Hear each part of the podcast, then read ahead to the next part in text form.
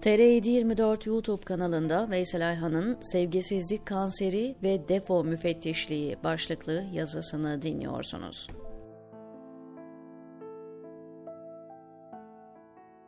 ...80'li yıllarda otobüslerde yolcular molalarda yemek yer, otobüs harekete geçtiğinde ise keyif sigarası yakardı. 0302'nin içi tamamen duman altı olurdu sigara kokusu ve yol tutması sebebiyle çocukluğumda her yolculukta 2-3 defa istifra ederdim. Evimiz Manisa'daydı ama sık sık İzmir'e giderdik. Manisa-İzmir yolu o zamanlar sadece virajdı ve bitmek bilmezdi. İşte böyle bir yolculuk sonunda tam otobüsten inerken bir yolcunun dizden aşağısına istifra etmiştim. Çok utanmıştım. Ama yolcu çocuk deyip ses etmemişti. Sonraları her aklıma geldiğinde o amcaya dua ettim. İstifra etmek, kusmak insani bir şey. Özellikle deniz yolculuklarında çok olur. Bir de fırtına çıktıysa hiç midesi bulanmayan bile istifra edebilir. Son 10 yıldır korkunç sarsıntılar geçirdik, keskin virajlardan döndük. Titanik'in buzdağına çarpması gibi bir çarpışma oldu. Hemen herkes farkında veya değil az çok travma geçirdi. Sinir krizleri, depresyonlar. Fırtına hala dinmedi. Böyle bir atmosferde en olmayacak tavır üst perdeden ahkam kesmek, insanları çizip atmak ve kolayca dışlamak.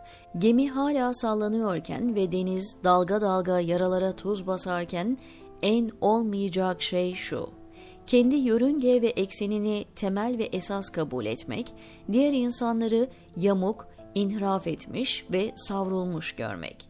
Fırtına sürüyor.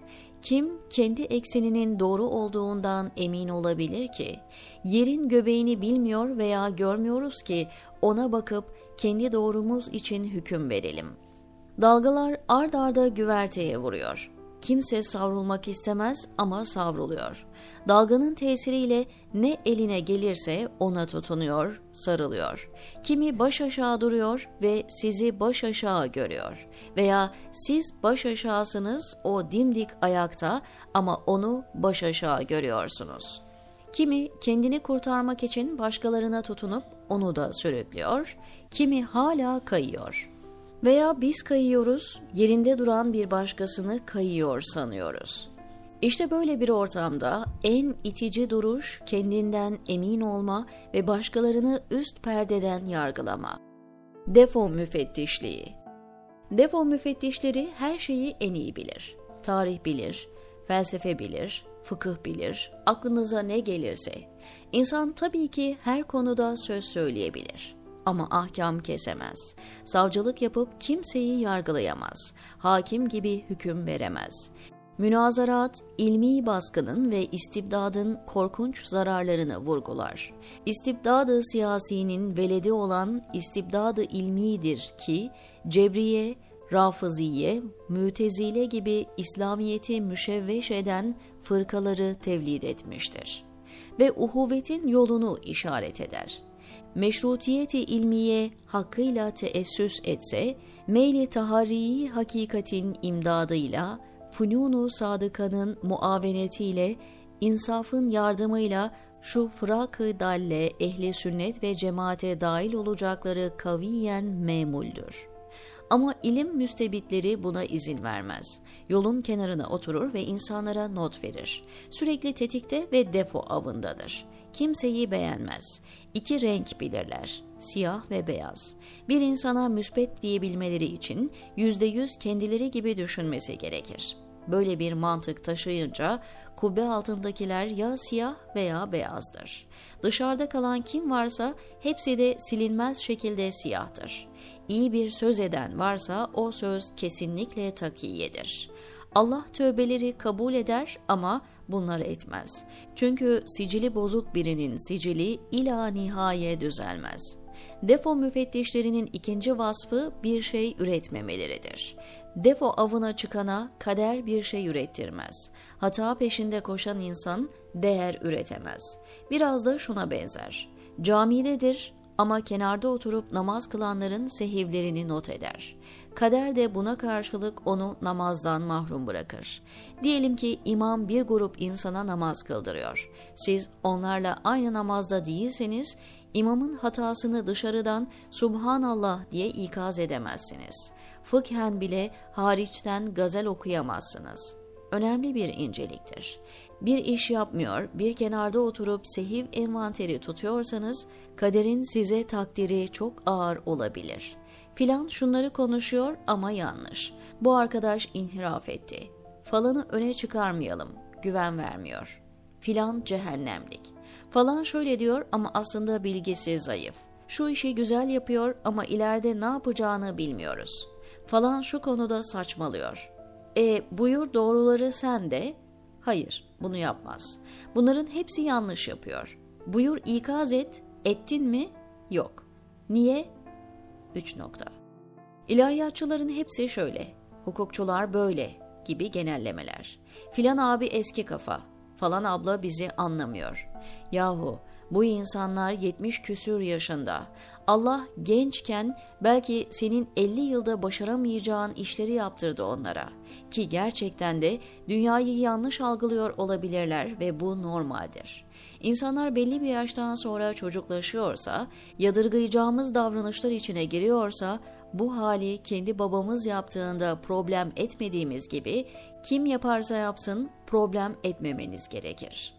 Ya bu ağır ve saygısız sözlerimiz bir de dua yerine geçerse ve kader bize 75 yaşına geldiğimizde başımızda huni ile gezmeyi takdir ederse bundan korkmak gerekmez mi? Mini test Aç açabildiğin kadar sineni, ummanlar gibi olsun. İnançla geril, insana sevgi duy. Kalmasın el uzatmadığın bir mahzun gönül. İnsanları kendi konumunda kabul etme, hoşgörülü olma gibi altın ilkelerimiz vardı. Bu ilkeler niye hep kubbe dışına? Bırakın insanların diline zaptiyelik yapmayı. Konuşanın boğazının sıkıldığı bir dünya medeniyet üretmez. Bırakın bu fırtınada insanlar içine döksün, hatta üstünüze istifra etsin. Kızan kızsın, öfke krizi geçiren öfkesini boşaltsın. Bu dönemin normali bu. O yamuk, bu çarpık diye sicil tutmak yerine kendi yamukluklarımızın avcılığına çıkmak daha mantıklı değil mi? Buyurun mini bir test. Bu fırtınada muhataplarınızın üzerine boca ettiğiniz istifralara, zifoslara müsamahayla yaklaşabiliyor musunuz? Her ne söylenirse söylensin, kim nasıl eleştirirse eleştirilsin, öfkelenmeden yutkunarak da olsa anlamaya çalışıyor musunuz?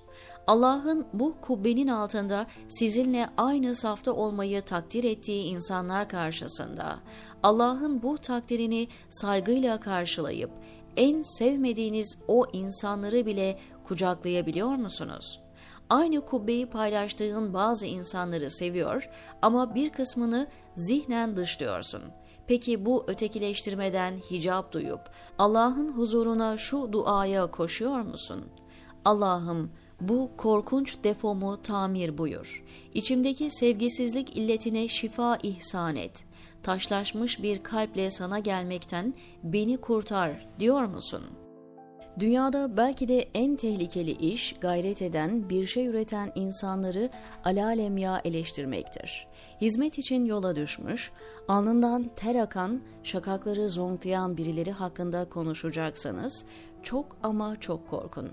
Kader sizi ağzınızdan çıkan tek bir kelimeyle mayına basmışçasına savurabilir. Sizin çocuklarınız vardır birbirleriyle didiştiklerinde bu sizi üzer. Hepimiz aynı kubbenin altındayız. Birbirimize dönük her kınamamız, ters bakışımız rızayı ilahinin teyidine muhtaç olan kubbenin bütünlüğünü tehdit eder. Mukadder nisap miktarı neyse işte onu geçince de o kubbe tepemize yıkılır. Mertçe, sevgiyle bir kenarda ikaz etmek ayrı mesele. Defolar kubbenin bütünlüğünü tehdit etmez. Kubbenin bütünlüğünü tehdit eden önemli bir faktör defo müfettişliğidir. Defo avcılığı kubbede sağlam çimento bırakmaz. Çeliği bile çürütür. Sistematik ve usulü dairesinde denetim hayati ve ayrı bir konu. Biz mahkeme değiliz. Allah'ın vereceği hükümleri tüm tarafları dinlemeden minnacık hafsalamızla vermeye kalkmamız Allah'a karşı saygısızlık bir gün fırtına dinecek. Belki bize göre savrulanlar o gün bizden daha dengeli duruş sergileyecek. Bilemeyiz. Bugüne kadar neyi bilebildik ki bunu da bilelim.